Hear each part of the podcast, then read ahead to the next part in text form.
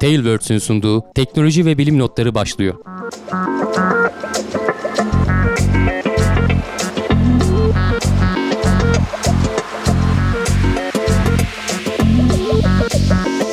Bilim ve teknoloji notlarına hoş geldiniz. Ben Can Akbulut, yanımda Hamdi Kellecioğlu ile beraber yine sizlere dünya gündeminden ilginizi çekeceğini düşündüğümüz birçok maddeyi derledik. Dilimiz döndüğünce de anlatmaya çalışacağız. Ee, yine uzayın derinliklerinden başlıyoruz. İç Evet. dünyamıza doğru inerek e, turumuzu tamamlamayı planlıyoruz. Güneşin yakından geçecek olan Parker Solar Probe.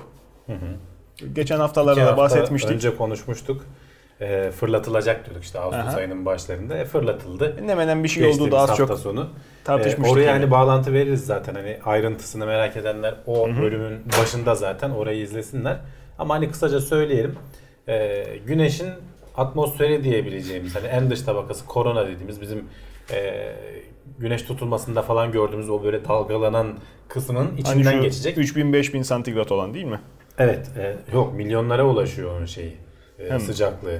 E, milyon dereceler seviyesine ulaşıyor. Zaten onu ölç, onu anlamaya gidiyor aslında. Niye ölçüyor? 3000 5000 dedin yüzeydeki Yüzeydeki şey, sıcaklığı. Kelvin değeri de zaten oradan verilir ya ışık rengi. Tabii ama işte bu şey değil, bu yüzeyi değil. Bu atmosferi. Hmm. Bu parçacıkların hızlanmış işte parçacıkların dünyaya ulaş fırlatıldığı yerler yani aslında. Anladım. Çok yüksek sıcaklıklar işte yüzeyde 3000 5000 iken e, burada niye 4 milyon derecelere ulaşıyor Sanırım aslında araştıracaklar. Buradan indiğimiz mühendislik e, öğretileriyle de e, dünyamızda nükleer reaktörlere kafamızı sokacağız. Bilemiyorum artık. Üç aşağı ne beş yapacağız yukarı ama aynı şey çünkü. Sonuçta şeyi anlayacağız. Güneş niye böyle davranıyor? Ee, en yakın işte insanlığın yaptığı güneşin en yakından geçecek araç. Konuşmuştuk işte nasıl önlemler almışlar, o sıcaklığa nasıl dayanacak vesaire gibi ayrıntılarını. Onlara dediğim gibi önceki bölümlere bağlantı veririz oraya baksınlar.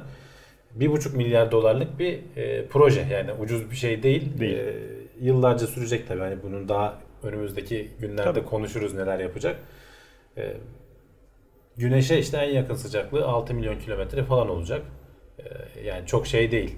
Ee, dibine inmeyecek tabii ama yine insanlığın ulaştığı en yakın En yakın uzaklık mertebe. olacak yani. Evet öyle diyebiliriz. Eh. Başarıyla fırlatıldı. Hani en tehlikeli anı fırlatmadır ya bu işlerde. doğru doğru. Ee, Delta 4 roketi başarılı bir şekilde zaten yıllardır kullanılıyor. Edinilen kötü tecrübeler yıllar içinde yaşanan kazalardan çok ders çıkarıldığı için artık herhalde daha az görüyoruz problemleri. Bu tabii çok da iyi bir şey. Evet. Bakalım. Sıradaki haberimiz hava durumu bölümünden gelsin. Mars'taki kum fırtınası etkisini yitirmiş. Dünyadaki hava durumu değil ama Değil, Mars'taki yok. hava durumu. Mars'taki kum fırtınasından bize ne diyorsun? Gene bunu daha Demiyorum, önce demiyorum. konuşmuştuk. Ee, opportunity gezgini var. Ee, Artık Mars'ta da bir köy olacak kadar bizim malzememiz birikti. Neredeyse evet yani. Eğer birey olarak sayarsan bir 5 ölenlerle beraber sayarsan 5-6'yı bulduk. Canlılar iki tane şu anda. Ee, Swaziland'da o kadar makine yok. Curiosity nükleer e, ile çalışıyor ve enerjisini oradan sağlıyor. Ama Opportunity e, güneşten alıyor enerjisini. Bu kum fırtınası olduğu zaman ekrana görüntüsü de gelir. Gezegenin şekli değişiyor can. Evet tabii. Yani böyle hani dünya gibi düşün işte karalar vesaireler falan tabii su yok da hani koyuluklar, renkler falan görürken böyle turuncu bir toz topağına dönüşüyor bütün gezegen. Tabii gezegen çapında olanı çok sık yaşanmıyor. Hani hep genelde lokal oluyor bu kum fırtınaları ama 7-8 yılda bir e, dünya yılı tabii Mars yılına da 3-4 yılda bir iki katı yaklaşık. 3-4 yılda bir bütün gezegeni kaplayacak kadar ve işte böyle etkisi haftalarca bazen aylara varan seviyede sürecek kadar büyük fırtınalar oluyor. Aslında bunu da biraz araştır, araştırıyoruz sürekli. Niye oluyor bu? Zaten atmosferi çok ince olmasına rağmen. Doğru. Onun da sebebi biraz şeymiş. e, güneşe yakın olduğu zaman Güney Kutbu'ndaki hani hep konuşuyoruz ya e, donmuş karbon var. Bunu kullanabiliriz işte gezegenin iklimini değiştirmek için. O biraz eriyor. Atmosferin kalınlığını biraz arttırıyor. Dolayısıyla tozların uçuşabilmesini e, daha çok havada kalabilmesini sağlıyor. Yani kendi içinde bayağı karmaşık dinamikleri var. Bu tabi opportunity için işte e, ömrünün sonu olabilir. Çünkü zaten 90 günlüğüne gönderilmişti. E, şu an 14. İsmiyle müsemma 14 bir küçük fırsat yıldır. yakalayıp onu da Ee, yani dayanıklılığın dibine vurdu Tabii. diyebiliriz. Ee, bundan da hala canlı kurtulma şansı var ama tabii 10 Haziran'dan beridir kendini işte şarj minimum edemiyor. şeye aldı. Ee, bütün işte ilişkiyi, bağlantıyı falan kopardı. Sadece pili donmasın diye onu ısıtacak kadar. Ama ona da yeterli olmayabilir diyorlar. Çünkü e, yıllardır işte kullanılıyor. O pillerin Tabii kapasitesi falan düşüyor. E, tekrar kendine gelebilir mi, gelmez mi? Önümüzdeki Yani onun gönderildiği dönemdeki pil teknolojisi de bugün bizim günlük hayatta kullandığımızdan pek farklı Tabii. değil. Yani daha yeni belki günümüzde kullandıklarımız daha iyidir hatta yani bu İşte yani- 14 yıl önce gönderildi yani 14 yıl öncesinde. uzay çağı ya NASA'nın teknolojisi hani Hı. bizim daha piyasamıza çıkmamıştır denme noktasını geçtik. E, lityum pillerin bilinen özelliği Tabii. voltajının dip noktasında ömürlerini en çabuk tükettikleri. E, o yüzden hani bir kere tamamen bittiği zaman ondan sonra şarj da çok zor. Şarj edilirken e, hasar da alıyor. Bakalım. Ki daha hani kum fırtınasının etkisini yitirmeye başladı diyoruz. Yani Evet. tamamen gökyüzünün açılması, kendine şarj edebilen hale gelmesi gene haftalar belki de aylar alacak. Enteresan tamamen gaz olan, tamamen akışkan olan gezegenlerde fırtınalar çok uzun yıllar sürüyor. Mars'ta ne olup da işte böyle periyodik fırtınalar çıkıyor. Hakikaten ilginç bir dinamik olsa Ya işte gerek. Bizde de sonuçta hep şeyleri anlamaya çalışıyoruz ya ne zaman tam olarak olabileceğini bilemiyoruz. Bu iklim olayı Tabii. çok fazla Bizde- bilinmeyen, kaotik ilerleyen bir şey. Doğru. Yani Bizde- hava meteorolog, meteorologlara çok fazla kızmamak lazım. Bilemiyorsun yani. Hesaplayamıyorsun. Yani biraz kızmakta da fayda var. Hiç tutmuyor tahminleri bazen. Ee, dünyada farklı dokulardan geçiyor. Hava e, temas ettiği işte deniz üzerinde, okyanus üzerinde Tabii. gelişen fırtına karaya gelip boşalı veriyor. Ondan sonra sürmüyor falan. O yüzden tahmin etmek, model oluşturmak, hele ki işte inşaatların karışımı, farklı sıcaklıkta gaz üreten e, tesislerin, e, işte makinelerin varlığı işi bir hayli zorlaştırır hale geliyor. Mars'ta enteresan yani neredeyse hiç etmen yok gibi ama kendi içerisindeki gezegen dinamiği gerçekten ilginç. Hava durumu vermeye devam ediyoruz size. Bir sonraki e, haberimiz Perseid meteor yağmuru. Evet, bir gün dünyanın sonu olabilir. Bilim adamları Bu aralar aslında o da gündemde. Her Ağustos'ta biliyorsun Ağustos ayının işte ortalarına doğru işte göktaşları dünyaya düşmeye başlıyor. Eh. Güzel görüntüler oluşturuyor. İşte karanlık bir yere gidip de gökyüzüne bakarsan bir sürü kayan yıldız görebiliyorsun. Mümkünse dağın tepesinden. Ee, ama işte bu ilginç bir habere denk geldim. Bu göktaşları bir yerden geliyorlar sonuçta. Nereden geliyorlar? Belli bir yörüngede işte biz hep Ağustos ayında geldiğimize göre onların geçtiği bir yerden geçiyor dünya. Buna sebep olan e, Swift Tuttle diye bir e, kuyruklu yıldız. 133 yılda bir dünyaya çok yakın geçiyor. Yani e, çok yakın değil ama gittikçe yakınlaşıyor zaten. Ve günün birinde e, dünyaya çarpma tehlikesi de olabilir diyorlar ama tabii bunun için yaklaşık bir 5000 yıl var. E işte. Yani hani bu hemen bugünden yarın olacak bir şey değil. E, en son 92 yılında geçmiş. E, bayağı 110 160 milyon kilometre falan öteden geçmiş. İşte 2000 e, yüzlü yıllarda 2126'da bu e, 20 milyon kilometreye falan inecek. Gitgide de ondan bir sonrakinde işte 3000 bir sonraki değil de 3044 yılında artık e, 1,5 milyon kilometreye inecek. En riskli oldu da ki hani bu uzay büyüklüklerini düşünürsen biz 1,5 milyon kilometre devasa geliyor bize ama uzay büyüklüklerinde bu hiçbir şey. Değil. E, dibimizden geçiyor demek Tabii, tabii. aslında. Güneşle dünyanın Ee, mesafesi. E hani hesaplamalara göre 4479 yılına kadar güvendeyiz. Hani o zamana kadar bir şey yok ama tabii şu da var işin içinde. Şimdi bu her seferinde buradan geçerken, e, güneşin yakınından geçerken kuyruklu yıldızlar öyledir. Zaten kuyrukları da öyle oluşur. Kuyruk. Gitgide eriyip e, kendilerinden parça kaybederler. Zaten anladığım kadarıyla Ve erediği için bize yaklaşıyor. Kütle kaybediyor. o da var O tabii yüzden. işte veya başka gezegenlerin çekim şeyi de Veya var. Sonuçta tabii. O kadar çok denge var ki. Hı, doğru. Çok uzun süreli hesaplayamıyoruz. Tek başına bir şey denmiyor tabii. Ee, ama bu çok dik bir şeyden geçiyor. Hani normalde böyle güne dünyanın döndüğü yörüngeye böyle yatay olarak gelse belki diğer gezegenlerden daha fazla etkilenecek diyeceğiz ama bu tam e, şeye dik geçiyor. E, eksene dünyanın Hmm. bulunduğu işte o yörünge eksenine dik geçiyor. Dolayısıyla diğer gezegenlerden etkilenmesi biraz daha az oluyor şeklinde bir açıklama var. E, ama tabii dediğim gibi gitgide küçülüyor. Şu andaki çapının işte yaklaşık 26 kilometre olduğu tahmin ediliyor. Ee, ama bu işte önümüzdeki 5000 yıl içinde geçtikçe bu parçaları kaybettikçe işte dünyaya Perseid meteorları olarak düşüyor bizim gördüğümüz şeyler. Tabii ki bir kısmı da hala uzayda kaybolup gidiyor. Ee, etkisini yitirebilir veya başka işte gezegenlerin etkisiyle tamamen e, başka bir yörüngeye yani gidebilir. 5 dakika boyunca lüzumsuz bu konuştuk. Ya şey, şey ilginç, lüzumsuz konuştuk tabii. Günlük hayatımıza herhangi bir faydası yok ama bu şeyi bilmek açısından ilginç bence. Perseid meteorları nereden geliyor? Ben açıkçası merak ederdim. Belki tam göktaşları geliyor hep Ağustos ayında Tabii. hep konuşuluyor. Niye geliyorlar? Niye Tabii. burada periyodik olarak var? İşte bu yüzden varmış. Çok ilginç, çok ilginç. Günün birinde de dünyayla işte risk oluşturabilecek kadar yakın geçebilirmiş. Eh, bakalım. Bu Evet. haftaki konularımız genel olarak böyle biraz şey e, çok insanlığa faydası olmayan şeyler. Olsun. Hep insanlığa İlginç faydalı konuda. şeyler söyledik de ne oldu? Zaman işte göreceğiz Orası öyle, etkisini. evet. Öte, öte yandan da e, deyip geçme. Yani turizm açısından çok önemli bir faaliyet hakikaten. E, meteor gözlemciliği. Turlar düzenleniyor. Eğer doğru yerlerin varsa tabii. Tabii, tabii. O da küçük bir etmen. Sıradaki haberimiz biraz da işte e, diğer bütün çalışmalarımızın, diğer bütün anlattığımız e, konuların bir nevi özeti gibi. Uzay etiği çalışmalarının ne derece önem arz edeceği önümüzdeki yıllarda. Ya bu hani bir haber değil böyle bir yazıya denk geldim. Yani. Ee, Stephen J. Dick diye bir adam bir kitap yazmış bu konuların uzmanı. Ee, uzay eriği değil uzay etiği. Ee, Öyle mi ne, dedim? Ne yok ben öyle dedim. Aklıma uzay etiğini görünce direkt şey olarak geldi. Uzay eriği geliyor Acıkmışım geldi. peki. Ee, kütür kütür diyor. kütür kütür. Yani neleri içeriyor dediğin zaman aslında çok geniş bir konu var. Ee, şu an evet sadece düşünce e, egzersizi gibi gelen şeyler günün birinde çok da uzak olmayan bir gelecekte gerçekleşebilirler ve bunlara hazırlıklı olmalıyız diyor adam. Mesela uzay etiği dediği zaman neler işin içine giriyor?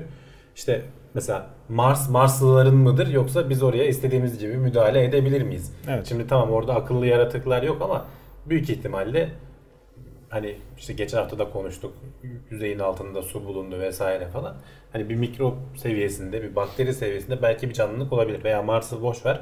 İşte bu diğer gezegenlerin etrafında dönen uydularda Enceladus'ta var işte Io'da var falan. Ee, yüzeyin altında buz tabakasının altında canlılık olabileceğini düşünüyoruz. Yarın bir gün oraya kamp kurmak gerekince Mars'ın sterilizasyonu gündeme Yani- gelebilir. sterilize mi edeceğiz yoksa onlara saygı duyup Şimdi dünyadaki örneklere baktığımız zaman bazı hayvanları çok güzel koruyoruz. Hatta evcil hayvan haline getirip besliyoruz, çoğaltıyoruz ama bazılarını da yok ediyoruz. Ee, nasıl davranacağız yani oradaki şeylere? Veya daha da ileri gidelim. Ee, dünya dışı akıllı yaratık arama projesi var yıllardır biliyorsun SETI. Bir de onun bir benzeri çıktı Mete diye. Onlara mesaj gönderme projesi bu. Mesaj göndermeli miyiz? Ee, onları bulursak ne demeliyiz veya onlardan bize bir mesaj geldiğinde cevap vermeli miyiz? Kim cevap verecek? İnsanlık adına kim konuşacak? Hani bir sürü soru var aslında cevaplanması gereken. Haklısın. Yarın düşünsene bir haber geldin işte merhaba dünyalı biz dostuz diye bir mesaj geliyor sana. Kim konuşacak ve buna kim ne diyecek? Nasıl bir cevap verecek? Bunların Daha şu anda kötüsü- bir cevabı yok. Beni uykumdan uyandırmaya utanmıyor musun pis dünyalı? Mesela veya öyle. O da var mesela bak onu da söylemiş. Bizim etik değerlerimizin dışında eğer bir uzaylı akıllı şeyle karşılaşırsak onların etik değerleri ne olacak? Hani karşı tarafı anlayalım, empati kuralım seviyesinde mi olacak? Yoksa yok edelim, her yere istila edelim mantığında mı olacaklar? Bu da önemli. Ee, ne bileyim daha hani ayakları yere basan projeler dersen e, Mars'a yarın bir gün işte gitmek daha kolay olacak. e, Önümüzdeki 10, 20, 30 yıl içinde. Oradaki kaynakları kullanmaya başlayacağız. Bu kaynakları kullanma hakkı kimde olacak? Dünyaya getirilecek mi? Veya göktaşı madenciliği konuşuluyor. Uzayı çöp haline getirecek miyiz? O da sorulması gereken sorulardan bir tanesi belki. Çünkü hani şimdi Yani dünyaya getirdiğimize göre onu getireceğiz yani. Orada kaçarı yok. yani e, dünyada kurtulmak istediğimiz bir şeyler var. E, üretiyoruz nükleer santrallerden çıkan atıklar. İmhası için çok ciddi uğraşılıyor belki. Rokete koyup göndermek yarın öbür gün daha cazip bir alternatif olacak Ya ekonomik olarak. tabii. Da işte rokete koyup gönderdiğimiz nükleer atıklar bundan sonra Ya onu direkt güneşe gönderirsin. içinde gider yok olur gider o yani. diyorsun peki. Yok etmek kolay olur onu. Belki hesaba katmadığın güneşliler var. Hadi bakalım. Yok e, yani orada hani bir bilemediğimiz bir canlı türünün yaşama ihtimali bilmiyorum. Hani İşte o kadar enerjinin olduğu bir yerde kolay mı? Ya, Ya bir de varsa? bir de varsa tabii işte zaten mesele o. Yani İşte bu arada şey hani Beyin jimnastiğine dönüyor iş. beyin jimnastiği demişken bu konuyla alakası şey söyleyeyim. Bir şeyi hani güneşe göndeririz demek bayağı zor bir şey. Hani e, doğrudan güneşin içine bir şey göndermek, uzay aracı göndermek bayağı enerji gerektiren bir şey. Yani Tabii, biz tabii. dünyadan kurtarırız bırakırız olmuyor. Çünkü biliyorsun hani dünyayla beraber dönüyor. Onun hızını yok edip e, güneşe indirecek Oo, tabii. enerjisini sönümlendirmen lazım. Bunu sen kimyasal roketlerle yapmaya kalktığın zaman başa çıkamıyorsun. Ee, şeyleri kullanman lazım. Diğer gezegenleri zaten bu NASA'nın e, Parker Solar Probe'u da Venüs'ün etrafında falan dönerek doğru yörüngeye oturmayı başarıyor. Ee, gerçekten hani Tabii. biz bunu enerjiyle işte kendi roket iticilerimizle yapalım falan desek çok fazla kaynak gerekiyor. Tabii. Hani o da böyle gene anlamsız bir bilgi olarak dursun. diyorsun. Yani işte bu uzay etiği konusu e, daha çok hani sonuçta günlük hayatta tabii ki kimsenin işine yaramayacak şeyler. En fazla hani felsefe olarak tartışabilirsin İşte bunları. etik kısmı işe yarar. Hani Evet. uzaydan bahsederken belki adamın aklına da komşusunun arsasına süpürdüğü Tabii tabii çöpler işte gelir. öyle yan etkileri olabilir. E, Söylediği şey Onları insan merkezli bakış toparlar. açısından biraz daha e, evren merkezli bakış açısına kayacağımız günler çok da uzak olmayan belki bizim ömrümüzün içinde e, göreceğimiz zamanlar olabilir. Bakalım. Bakalım. Bu konunun uzmanları bile hatta işte ben uzay etiği uzmanıyım. Belki de- uluslararası uzay e, şeyi Hmm. işte şimdi Trump diyor ya uzay gücü oluşturacağız. E, bunun orada bir siyaseti de olacak sonuçta. Başka devletler de oluşturacak. Geleceğin meslekleri. Onun da uzmanları çıkacak evet. Üniversite tercih döneminde. Diyorsun belki ömrümüz yeter biz de görürüz ama ömrümüz umduğumuzdan daha uzun da sürebilir. Evet. En son yapılan çalışmalar, en son yapılan tıbbi çalışmalar e, genetik, genetiğin e, metamorfasyonu mu diyelim e, üzerinde yapılan Hı. bir takım çalışmalar e, üzerine yönleniyor yavaş yavaş. İşte en son FDA onayını alan bir tedavi yöntemi de gen baskılama. Evet. Baskılama veya Sıkıntılı susturma. E, genin e, izole edilmesi suretiyle tedavi gibi bir Şimdi yaklaşım. ilk defa bir ilaç FDA tarafından yani uzun denemelerden sonra onay aldı. E, ATTR diye bir kısaltması olan bir ilaç e, kalıtsal şey hastalık kalıtsal olarak e, geçiyor ve işte çok küçük bir kesime etkiliyor. Yani dünya çapında 50 bin e, bu hastalığa yakalanan insan Ama olduğu sonuçta onlar da insan. Ya tabii ki. E, ama zaten tedavi değil etken, etkilerini azaltıcı şey yapıyor. E, kendi karaciğer hücrelerinin oluşturduğu işte bir e, protein e, sinirlerinin zarar görmesine neden oluyor aslında bu hastalıkta. Sen o proteinin oluşmasını ön- önlüyorsun. E, gen basklama ve susturma tekniğiyle. E, nasıl oluyor bu? DNA'dan işte messenger RNA'lar vardır. E, bir protein sentezleneceği zaman DNA'dan okur. Sonra gider e, e, o hücre içinde o protein sentezlenir. O aşamada araya sen girerek o messenger RNA'yı yok edebilirsen ki bu hani normalde hücre içinde zaten kullanılıyor. Senin ama onu teknik olarak hani sadece onu yok edebilecek şekilde tasarlaman lazım molekülü. E, o geni baskılamış oluyorsun. Çok İşte, teknik tabii. bir şey. Burada ama bak haberin kendisinden ziyade hep hani vurguladığımız şey var ya önümüzdeki 10 yıl 20 yıl içinde olabilir. Bak bu 1998 yılında yayınlanmış bir makale. 2006 yılında Nobel ödülü almış ve 2018 yılında arada hani geliştirmesi de tamamlamış. İlk bu FDA'dan konudaki ilaç almış. FDA'dan on, FDA'dan onay almış ki bu daha başlangıç diyorlar dedikleri gibi. Hani bu Tabii. teknik pek çok başka hastalıkta kullanılacak 20 yıl gibi bir süre içerisinde. Hani bazen söylüyoruz ya biz önümüzdeki 10 yılda 5 yılda göreceğiz belki bunları diye. İşte bir tane örneği işte. Evet. 98 yılında eğer şeyi çekiyor olsaydık ve 20 yıl devam ettirseydik biz bu teknoloji Hı hı. bilim notlarını. Ya bak şu yıl bunu demiştik diye atıp Çocuk- yapabilirdik kendimize. Çocukla konuşan ergen olarak evet. pek eğlenceli olmazdı o bölümler zannedersin. Sıradaki haberimiz dünyanın yine işleyişini sarsabilecek e, bir devrim kapımızda eşiğimizde. Evet. Onunla alakalı Seni yapılmış bir- ilgilendiren bir haber daha çok. Aşk olsun niye beni ilgilendiriyor? Bütün herkesi ilgilendiriyor. Otomobil dünyası olarak. Canım, ben canım. otomobil dünyası mıyım?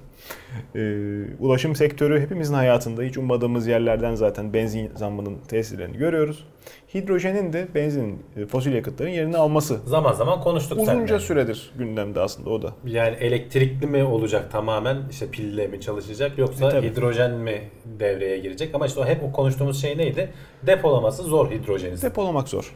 Ee, depolamak Çok soğutman gerekiyor. O da işte sen hep verdiğin örnek. depolamak şöyle. Evet tabi.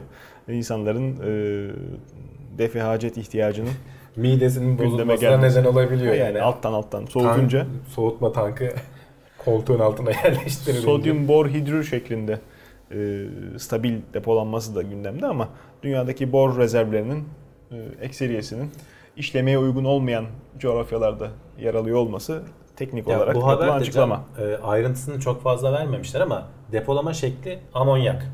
NH3 yani bizim bildiğimiz ve çok yaygın olarak kullanılabilen E, ve onu sıvı halde tutmak çok daha kolay e, Tabii. hidrojeni, saf Tabii, tabii, hidrojeni tabii. tutmaya göre. Bunu sıvı halden ama işte amonyağın içinde NH3 diyorum bak o 3H'yi çekip alabilecek bir mekanizman olması lazım ve bunun verimli çalışması Evet. lazım ki işte e, otomobillerde veya başka alanlarda bunu yakıt olarak kullanabilesin. E, Avustralyalı araştırmacılar bunu başardıklarını söylüyorlar. Geliştirdikleri özel bir membran sayesinde e, çok e, saf oranlara ulaşabilecek şekilde hidrojeni Çok şık. biz bu şekilde çekiyoruz. E, sen amonyak üretiyorsun. Bildiğin benzin gibi dolduruyorsun e, arabana. E, yola çıkıyorsun. Motor işte gerekli olduğu şekilde işte o yakıt dönüştürülerek motora veriliyor. Hatta biz konuşmuştuk seninle. Motor yapısının da çok çok değişik olması gerekmiyor. Hidrojenin şöyle bir sıkıntısı var. Yani Ve e, şey hani de, şunu da söyleyeyim sen sıkıntıyı sonra söyle. Hidrojenin avantajı şu. Egzozdan su çıkarıyorsun. Tabii. Elektrik motorunu da beslese, içten yanmalı motor da beslese. Mekanik olarak, teknik olarak çok üstün bir yakıt. Ha, volümetrik verimi birazcık düşük. e, Bizim şu anda kullandığımız fosil yakıtlara göre. O yüzden kabaca, çok kaba. O yüzden özür dilerim dinleyicilerimizden. E, 100 beygir üreten benzinle bir motora hidrojen verildiğinde ondan alınan güç 70 beygir civarında kalıyor gibi diyebiliriz. Hani bugüne kadar yapılan örnekler en azından bunu böyle gösteriyor. Yani- İşin teknik izahı değil bu tabi. Çok kaba, çok e, şey gözlem. Şey ucuzlayacağı için büyütürsün motoru geçersin diye herhalde. Orası öyle. Orası öyle de. Basit bir şekilde çevreyi de kirletmediği için öyle bir derdin de olmaz. Tabii artık zaten turbo şarj sistemleri çok yaygın kullanılıyor. Turbo şarjın esprisi de zaten motoru büyütmeye gerek kalmadan büyükmüş gibi Doğru. çalışmasını sağlamak. Wastegate ayarında yapacak ufak oynamayla. Neyse o işin teknik detayları zaten e, işi bunlar olan binlerce insan harıl harıl çalışıyor. Hidrojen dünyanın e, enerji stratejisinde rol oynayabilecek bir e, değişim. Hidrojen devrimi. Normalde işte biz çıkan değerli madenler e, işte fosil yakıttır, pil malzemesi, lityumdur, işte olursa fosfordur. Onların peşinde koşuluyor, nikeldir. Yataklar, e, maden yatakları üzerinde bugün dünyanın enerji haritası şekillenirken bundan sonra artık deniz kıyıları, akarsu kaynakları önem kazanmaya başlayacak gibi bir durum söz konusu. E, yani Sudan enerjiye muhtaç. anlamında diyorsun sen değil mi? Tabii en- hidrojenin çıkışı.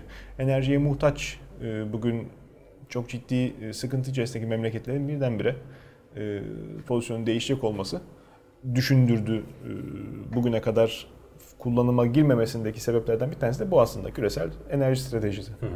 O yüzden bu e, şimdi Ama işte üzerinde hani sektörün üzerinde baskı artıyor. Bir yandan işte o pille bile olsa elektrikli arabaların artması e, işte bu iklim Elektrikli arabaların hiçbir şeyin üzerine baskı arttırdığı yok. Elektrikli araba sadece şov bir de insanları olası elektrik motoru işte hayatımıza girdiğinde kullanımına alıştırmak.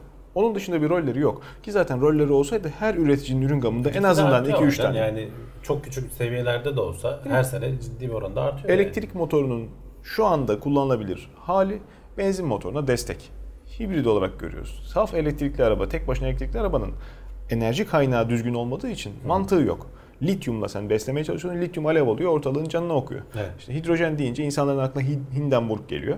Ama işte yanıp yerinde İşte bu- krater kalan Bu bir tarz sürü elektrikli araba var. arttığı zaman çünkü saf hidrojen dediğin gibi çok tehlikeli. Hani kaçaklarda vesaire E, tabii. kaza anında. Tabii. Pil de tehlikeli. Pil Onun daha tehlikeli. geçemiyorsun. Pili Ama söndüremiyorsun. Amonyak öyle bir şey değil işte. E yani Kötü kokuyor. çok kötü kokuyor. Amonyak ismi bu arada gerek gereksiz bir bilgi vereyim sana bunu araştırırken nereden geliyormuş biliyor musun? Hmm. Ee, Mısırlıların tanrısı vardır Amon, Amon. en büyük tanrısı. Onların tapınaklarında deve tezeyi falan kullanılmış ısıtmak için veya işte aydınlatma için yakarken. Oradan çıkan amonyak e, gazı e, Çok ilginç. tavanda şey olarak birikiyormuş. E, amonyak, amonyum klorit olarak birikiyor ve tuz şeklini alıyor. Amonun tuzu falan e, deniyormuş. Amonyak kelimesi de oradan geliyormuş. Çok ilginç. Çok ilginç. Alakasız bilgilere bir tane daha eklemiş Evet, olduk evet. böylece. Kimya bölümüne gidip okusanız öğrenemeyeceğiniz bilgiler. Belki anlatırlar. Belki de öğrenmemeniz gereken yok anlatmıyorlar ben.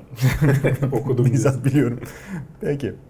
Ee, sözün özü bu kadar boş konuştuk. Aslında anlatmaya çalıştığım şey hidrojenin e, günlük hayatımıza girmesindeki esas e, engel teknik yetersizlik veya e, depolama yahut e, sevk sorunlarından ziyade stratejik olarak enerji piyasalandırılması, e, kar paylaşımı, e, stratejik güç dengesine tesirinin gerçekten hala daha çözülememiş olması. Bugün de teknolojik olarak yeterlilik var. Tek, niye yeterlilik olduğunu biliyoruz. Dünyanın farklı yerlerinde çalışıyor bu prensip. Prototipler çok başarılı. Belediyelerce de, özel şahıslarca da, firmaların bünyesinde milyon kilometrelerce de test edildi. Ama Hiçbir şey kolay çıkmıyor. mı? Hidrojeni üretmek o konuda hani daha verimli bir şey bulunamadı gibi Teori şu. ben. Teori şu. Yani sudan hidrojeni Tabii. elde etmek. Şimdi enerjiyi farklı e, sistemlere çevirmek her zaman problemli de eyvallah. Mühendisliğin temel e, öğretilerinden bir tanesi fizik kuralı. E, şimdi elimizde kullanamadığımız bir kontrolsüz güç var. Nükleer santralden çıkan enerji. Onu işte prize verilecek frekansta ve düşük seviyede tutabilmek için bayağı söndürerek pilot alevinde neredeyse kullanıyoruz. E, hidrojen üretimi için bu kadar baskılamaya gerek olmayacak. Çok daha rahat çalışacak alet. Dolayısıyla e, zaten kullanamadığımız, boşa giden, verimsiz enerjiyi, verimsiz giden enerjiden istifade etmek söz konusu olabildiğinde işe yarıyor. Hidrojenin de yani öyle bir avantajı var kendince ama Yani işte zaten hani önümüzdeki yıllarda çok da aslında belki beklemeden görmeye başlayacağız gibi geliyor. başlayabiliriz. Elektrikli araba dönüşümü olmaz. Çok zor olur. Çünkü eldeki arabaları millete en azından motorlarını çöpe attırıp Hı hı. yerine elektrikli araba satmak ütopyasından bahsediliyor. Burada LPG kiti gibi hali hazırdaki arabayı hidrojen çevirmek mümkün. Bu çok daha olası bir şey. Doğru. İnsanların da tercih etmemesi için aslında pek bir sebep yok düşününce. İşte belki biraz senin dediğin o güç, beygir gücü azalması bir Yani. ihtimal düşündürücü olabilir. Yani makul fiyattan girerse ona kimsenin itiraz edeceğini de zannetmiyorum. Doğru. Evet, e, bir sonraki haberimiz yine sağlık sektöründen geliyor. Acil servis doktorunun cinsiyetinin kalp krizi geçiren kadınların ölüm oranına ciddi manada tesir ettiği bir Evet, istatistik evet, çalışma e, sonucuymuş. Bu daha önce yayınlanan bir araştırmanın aslında devamı araştırılırken hani neden oluyor bu diye. O öncekini söyleyeyim önce. Ee, kalp krizi geçiren 2016 yılında yapılan bir araştırmaya göre kalp krizi geçiren e, erkeklerin bir yıl içinde ölme ihtimali %19 iken kadınların bir yıl içinde ölme ihtimali %26'ymış. Ee, eğer 5 yıla yayarsan hani 5 yıl içinde ölme ihtimalindeki fark daha da açılıyor. Yani kadınlar daha fazla ölüyorlar kalp krizi Evet. geçirdikten sonra. Tamam kalp krizi geçirme ihtimalleri az o ayrı konu ama geçirdikten sonra hayatta kalma oranları erkeklere göre daha düşük. Bunu neden olduğunu hani biyolojik olarak bir sebebi olmadığı düşünülüyor. Ee, Neden böyle bir şey olduğunu araştırıyorlar. Ee, Bununla bağlantılı başka bir araştırmada da işte son e, 91 ile 2010 yılı içinde işte kalp krizi nedeniyle acil servislere başvurun Amerika'da yapılıyor tabii araştırma. 500 binden fazla vakayı incelemişler ve şeye göre sınıflandırmışlar. Erkek hasta erkek doktor bakıyor. Erkek hasta kadın doktor bakıyor. Kadın hasta erkek doktor bakıyor. Kadın hasta kadın doktor bakıyor. Hepsi aşağı yukarı aynı ama kadın hastaya erkek doktor baktığında istatistiksel olarak fark edilebilir bir şekilde kalp krizinden sonra ölme ihtimali artıyormuş. Ee, yaklaşık %12 oranında artıyormuş. Yani çok fazla büyük bir oran değil. Kültürle mi alakalı? Ya işte onu tam olarak bilemiyorlar. Zaten gene araştırmanın sonucunda da hani uyarıyorlar. Böyle şeyler bulunduğu zaman dikkatli yaklaşmak lazım. Her e, istatistik, E, her korelasyon bir anlam ifade etmeyebilir. İstatistiği okumak zaten şey lazım. tabii. Ben şey hatırlıyorum Can sene daha Sanat. önce konuştuğumuz başka bir konu vardı sanki. Ee, kadın doktorların hastalarına baktıktan sonra ölüm oranları mı daha mı düşüktü? Gene böyle bir araştırma vardı bizim eski bölümlerimizde konuştuğumuz. Sanki hastalarına daha özen gösteriyorlar, daha ayrıntıya takılabiliyorlar, dikkat ediyorlar gibi İlginç. bir şey kalmış aklımda. Belki aynı şey burada da bir rol oynuyordur. Ee, Böyle bir araştırma yayınlanmış. ilginç. Sebepleri araştırılıyor hala. Evet, evet. Ama çok işte dediğim gibi hani %11.9'dan %12.4'e çıkarıyor. Yani hani ölüm oranını istatistiksel olarak farklı fark edilebilir ama hani ben erkek doktor istemiyorum diyeceğin kadar büyük bir şey değil. Sadece hani anlamak açısından söylersek işte her 66 kadın hastadan birini etkileyebilecek bir oran bu. Ama sonuçta bir kişi de Bir oran. önemlidir. Yani hani canım. uzmanları bu işin alanındaki uzmanlar onu da araştırıyorlar işte. Niye böyle bir sonuç çıkıyor diye. Gerçekten ilginç. Şimdi sıradaki haberimiz hep sizden uzak kaldık. Ee, uzayın derinliklerinden başladık gündeme. Bilgisayarınızın içine kadar gireceğiz. Bunu hangi platformdan dinliyorsanız gerçi. Sadece bilgisayar değil canım. Telefon, elektrikli eşya, elektronik. Güneş, açık hava. 10 sene öncesinin ikrah getiren bize nefret ettiğimiz modası mavi led. Evet. Her yerden karşımıza çıkıyordu. Her elektronik ürüne süs olsun diye konuyordu. Mavi ışık ve mavinin tonları gözün kendi kendine zarar vermesine sebep oluyormuş. Şimdi bu bilinen bir şeydi zaten. Hani biz de konuşuyoruz ya bu Uykuyu kaçırdığı biliniyordu. Uyku kaçırdığı ayrı. O başka bir konu. O biraz psikolojiyle falan Tabii. da etkili. Bu görmeyi engelleyen hastalıkları tetiklediğini mavi ışığın özellikle biliniyor. Yani hani hangi hastalıklar o da yaşlılığa bağlı görme e, körlük denilen işte bu makula Evet. dejenera- dejenerasyonu yaşlandıkça gözün arkasındaki o retina tabakasındaki hücrelerin ölmesi ve bunun e, mavi ışıkla ve mor ötesi ışıkla o yüzden güneş falan da dedim. Çok fazla maruz kaldığında daha fazla etki edildiği biliniyor. Bunun mekanizması e, anlaşılmış. Onunla ilgili bir makale yayınlanmış. Şöyle bir mekanizması var. Gözün e, o fotoreseptör denilen hücrelerin çalışması için retinal denilen bir e, molekül, vitamin, A vitamininin bir çeşidi aslında, bir türü bu. E, olması gerekiyor. Bu e, molekül mor ötesi ışığa ya mavi ışığa maruz kaldığında farklı bir yapıya değişiyor. Sonra geri dönebiliyor tabii bunun etkisi. Ve bu normalde hani bizim gün içerisinde yaşadığımız bir şey. Ama bunu işte e, ufak ufak sürekli sanki şey biriktiriyor gibi düşünebilirsin. Hani böyle e, atık biriktiriyor gibi düşünebilirsin gözde. Bunları farklı işte şeylere koymuşlar. Deney kaplarına koyup diğer bütün hücreler üzerindeki etkilerini ölçmüşler. Hücre e, çeperinin e, büzüşmesine, yapısının değişmesine neden oluyor ve dolayısıyla e, zarar görmesine neden oluyor hücrenin. Uzun vadede ölmesine neden oluyor. Ve işin ilginç yanı şu can, sadece göz hücrelerine bunu yapmıyor. Bütün vücuttaki hücrelere yapabiliyor ve bu retinal sadece gözde bulunan bir şey değil. Vücutta dolaşabilen bir malzeme. Bunun etkisini terse çeviren yine E vitamininin bir versiyonu var. E, Antioksidan hani falan derler ya. Hı. Gerçekten öyle etki alan bir şey var ama işte bunun mekanizmasının ortaya konmuş olması güzel. Belki bunun bunu şeylere de denemişler. Kanser hücreleri üzerinde falan da denemişler. Acaba buradan onların üzerinde etki edebilecek bir şey çıkarabilir miyiz falan diye. Gelecekteki diğer araştırmalara kapı açacak bir şey olmuş yani aslında. Çok ilginç. Sonuçta hani mavi ışık e, gözümüzü etkiliyor. E, uzun vadeli etkiliyor. Hani öyle hemen mavi ışığa baktım uykun kaçıyor falan o onlar ayrı konu. Onlar başka bir araştırmanın konusu. Uzun vadede insanların kör olmasının işte %50 sebebi bu. Yaşlılıktaki körlük işte makula dejenerasyonu küçük küçük başlıyor gitgide yok olarak şey gör, görmen gitgide azalarak gidiyor. Evet. Hani konuşmuştuk gene geçtiğimiz haftalarda bunun da çareleri aranıyor. Ee, hatta 80 yaşında bir hastaya Hmm. ame- ameliyat mı ne yapmışlardı hatırlarsan. Evet. Ee, başarılı olmuştu. Bunun da farklı yöntemleri var. Hani hem ilaç e, tedavisi hem işte ameliyatla tedavi. O yönde de ilerleme kaydediliyor bir yandan. Ama mekanizmayı anlamak da önemli tabii. Tabii. Dediğim gibi çok farklı e, araştırmalara da ışık tutabilecek bir detay. Ama işte hayatımızdan dediğin gibi ultraviyoleyle zaten alıyoruz ama suni mavi ışığın yavaş yavaş artık defolup gitmesi Evet. herhalde. Bu Ya özellikle haberin- zaten hani uyku düzenini bozduğun zaman ki hani bu yatmadan önce telefonlara bakmak e, herkesin adeti oldu artık. Sosyal medyada E, gezmek, bir şeyler sarartıyor okumak. kendince bir Mümkün şey olunca tabii işte şimdi moda o ama gene de o ışığı alman bile senin uykunu Tabii. etkiliyor. Bazı araba üreticileri gösterge tablosunu bütün kabin ışıklarını mavi yapıyordu ki Evet. insanlar Ya uyanık mavi kalsın. nedense bir böyle teknolojiyle ilişkilendirilen bir Evet, renk. evet. Yani böyle bir teknoloji rengi mavi olur falan. Halbuki enteresan. Sıradaki haberimiz tarihin derinliklerinden gelip karşımıza çıkmış. Roma İmparatorluğu'na yapılan suikastlerin iklimle bağlantısı olduğu iddia ediliyor. Evet. Ne Ya bu bir hipotez Ee, ama hani bir dayanağı olan bir hipotez. Ee, bir Roma'yı yakanlar mı diyorsun? Ya şöyle bir ilginç bir şey var. Ee, 500 yıl boyunca hani 82 Roma İmparatorluğu'nun %20'si suikaste kurban gitmiş. E, tabii, Yani Roma İmparatorluğu olmak pek öyle istenilen bir şey olur mu bilmiyorum. Hani bu oranlara bakarsan.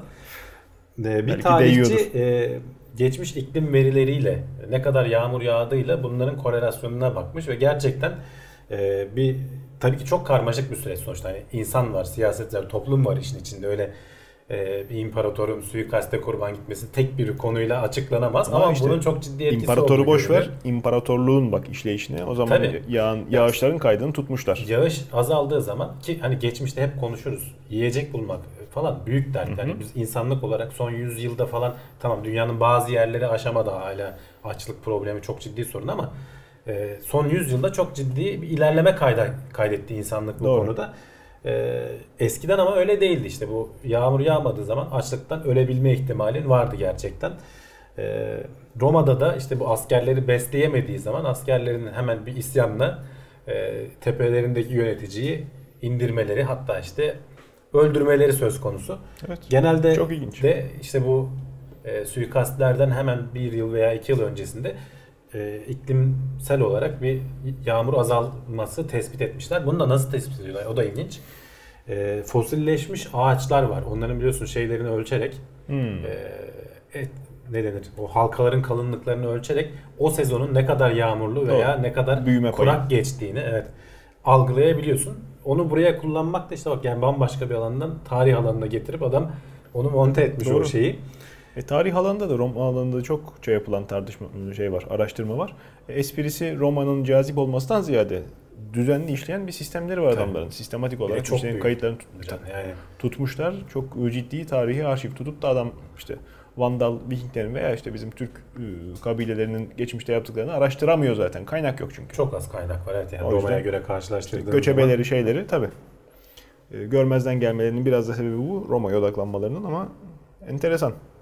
Bugün de belki yeniden gündeme gelecek bu bağlantının tesiri. Ekonomi bozulup da küresel yani ısınmanın tesiriyle. vardı duymuşlardır belki yani şu son Suriye'deki ayaklanmanın Ee, falan ya, olmasında da işte NASA'nın mı bir uzmanı açıklıyordu hani iklim değişikliğinden dolayı ya halkın aç kalması aslında sonuçta Doğru. en temel dürtü yani Doğru. açlık hemen tepedekilere isyanı başlatan bir şey. Ee, siyasilerin en çok çekindiği şey aslında. Öyle. Bunun Hayatın- tabii dolaylı olarak günümüzde işte ekonomiyle zaten Tabii. bir benzerlikleri var.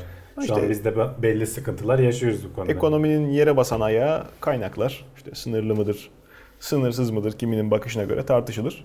Dünyadaki biyokütlenin yaşam formlarına göre de- e, dengesi, dağılımını sıradaki haberimiz e, Ya bu da genel hani e, bir bilgi olsun diye aldığım bir Aha. haber. Bu hafta denk geldim. Yeni bir araştırma. Şimdi bunu tabii ki tahmine dayalı olarak e, hesaplıyorlar. Çünkü oturup tek tek sayman mümkün değil. Evet.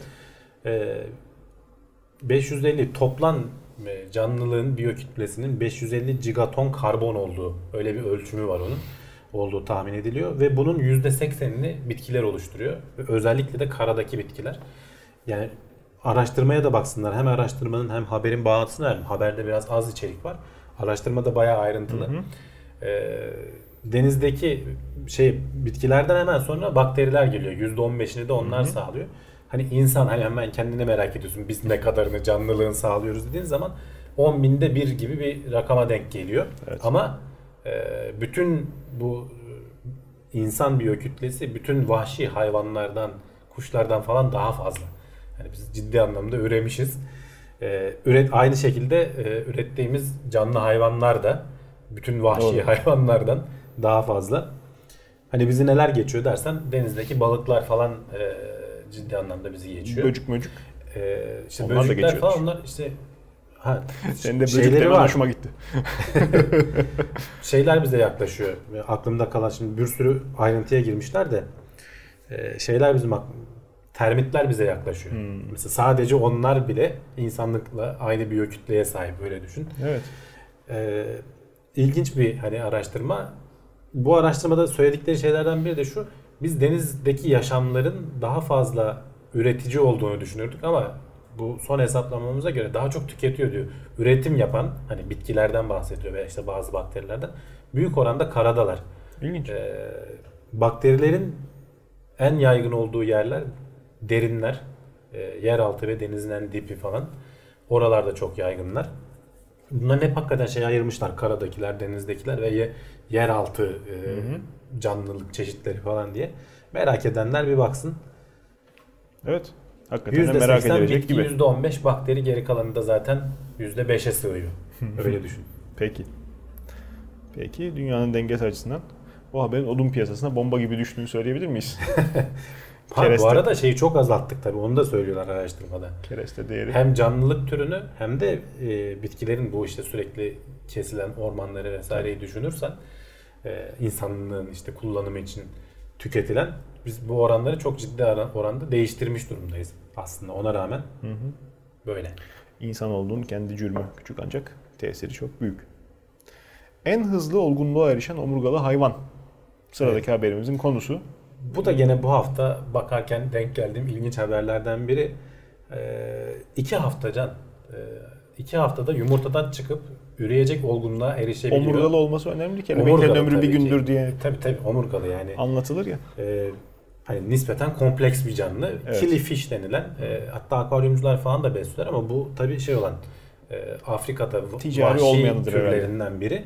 Niye bu bu kadar hayvan acele ediyor? Çünkü zaten e, içinde yaşadığı habitat e, biliyorsun hani bu Afrika'da belgesellerde izlemişsindir bir şey olur kurak Hmm. iklim gelir bir yağmur yağar herkes coşar sonra kurak iklimde sürünürsün suya Tabii, tabii, gideceğim diye uzun uzun göçler. Tabii. İşte burada da o yağmur yağıp da su birikintilerinde kuruyana kadar 3 hafta falan zaman geçiyormuş. 3 haftada hayvan e, yumurtadan çıkacak, üreyecek, tekrar ölecek. Yumurtlayacak da bu arada. Doğru. İşte 2 hafta içerisinde e, onu ölçmeyi başarmışlar. Böyle bir yaşam döngüsü şey yapmış. Gerçekten ilginç. Dediğin gibi burada önemli olan hani omurgalı olması. E, tabii ki bazı böcekler veya işte tek hücreliler falan çok çok daha kısa sürelerdiler ama Neye yarar belki? Geçmiş haftalarda da bahsetmiştik ya. Bu hayvanın genetiğinde farklı olan ne? Yani omurga mekanizmasını Tabii. kadar hızlı büyütebilmenin rolü olan, e, esprisi olan protein nedir? Nasıl sentezleniyor? Zaten bu tarzlarından ya bu yaşam döngülerinden dolayı hani akvaryumda falan besleniyor dedim ya şey olarak satılıyor bunlar işte sihirli balıklar. Ha, tabii. Sana böyle kurumuş e, yumurta gibi Alıyorsun bir toz ölüyor satıyor. sihirli. Hayır sana bir toz satıyor şöyle Evet. küçücük bir pakette. Onu suya koyuyorsun. Bir süre sonra böyle hareket eden bir sürü balıklar çıkıyor Hı hı. içinden. İşte Sonra zaten içiyorsun. hayvanların yok içmiyorsun, izliyorsun öyle. Peki. İçersen de bir şey olmaz herhalde bilmiyorum. Balık yağı gibi balık suyu.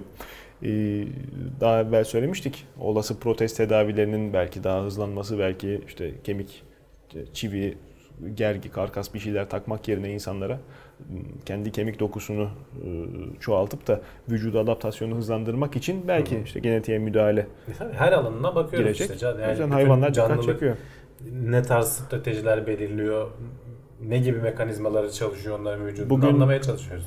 Satılan 0 kilometre olarak satılan birçok otomobilin hepsinin aslında e, temel e, tasarımı artık aynı.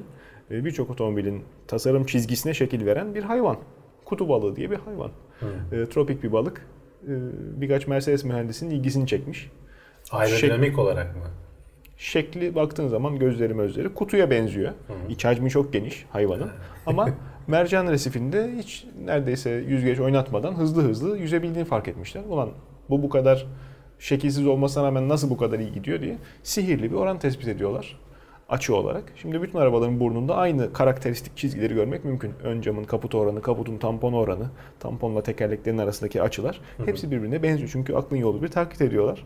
Önce Mercedes mühendisleri yaptı. Sonra diğerlerine de yayıldı. İşte otobüsünden minibüsüne, spor arabasından. Hiç ummadığımız yerde, hiç ummadığın bir hayvandan ders çıkartabiliyorsun. Bu da Tabii. tıbba belki ışık tutulmasına, e, tedavi yöntemlerini yeni geliştirmesine e, vesile olabilecek olabilir, bir hayvancağız. Aksolotırlar vardı bir de. E, Dünyada varlığı kalmayıp da akvaryumda yaşatılan canlı. Solungaçlı semender. E, Merakları vardır. O da ziyan bir hayvan. Dünyada diyorsun 3 haftada su birikintisi bitiyor gidiyor. İnşaat yapıldığı için hayvanın şeyi bitti. E, Doğal habitatı bitti. Ama Geriye şey sevenleri kalmadı. vardır. Sevenleri var almışlar akvaryumda yaşatıyorlar. Nesli bitmemiş. Valla akvaryumculuk bir hastalık can. E, öyle. Çevrende var mı sen? Sen hiç bulaştın bu işlere Yani ben ama küçükken bulaşılmış da ben bulaşmadım. yani hakikaten bütün varını yoğunu oraya döküp E, öyle. acayip sistemler kuranlar var yani Tabii. tanıyorum. Hakikaten öyle. Bakımı ayrı, kendi mekaniği Yani ayrı. güzel görünüyor ama ciddi zaman ve emek istiyor. Hakikaten öyle, hakikaten öyle. E, bir dönem Türkiye'ye çok çok farklı balıklar da geliyordu. Ee, işte şimdi hayvan mağazalarına gelince 3-5 tane Japon balığının bir iki türü, bir iki tane de işte ciklet diyorlar. Yırtıcı balık Hı hı. e, cinsi. E, Eskiden çok daha büyük bebek yüzler şeyler. Onlar artık Türkiye'ye gelmiyormuş. Döviz kurundan belki biraz da e, şey olduğundan dolayı. Olabilir. e, satışı o kadar kimse bütçe ayıramadığından dolayı çok da artık oralara yatırım yapılmıyormuş. E, annemler yani onu söylerler eski tadı kalmadı diye. Ben de hatırlıyorum böyle su bardağı kadar kafası olan bebek yüz yüzüyordu. Velhasıl e, insanoğlunun az evvelki dünya e, biyokütle haberinde de söylemiştik. İnsanoğlunun kendi cürmü küçücük ama yaptığı etki Etkisi- çok fazla. Etkisi en büyük evet. Evcilleştirdiği hayvanlarla da doğal hayatını Ya şey olarak bitirdiği hayvanlarla e, çok önce izlediğim bir belgeselde şeyi karşılaştırıyordu. Ee, insan evet kütle olarak veya işte hani kocaman evrende biz bir hiçiz ama kullandığımız enerji miktarına baktığın zaman e, zaten hani karmaşıklık ve basitlik e, bunun hani ciddi araştıran uzmanlar falan da var. E, insan çok birinci sırada. Hani Öyle, öyle. Tükettiğin enerji, kullandığın, Öyle. hükmedebildiğin enerjiye baktığın zaman. Ama tabii ki hani kütle olarak şey olarak öteki açıdan bakarsan da yoksun aslında. Evet, bu açıdan e, ne olduğumuzu bilip enerjimizi ona göre verimli alanlara vakfedelim. Peki sonraki bölümlerde görüşmek üzere. Bizi sosyal medyadan da takip etmeyi unutmayın. Sitemiz teknoseyir.com. Sonraki haftalarda tekrar karşınızda olmak üzere. İyi seyirler.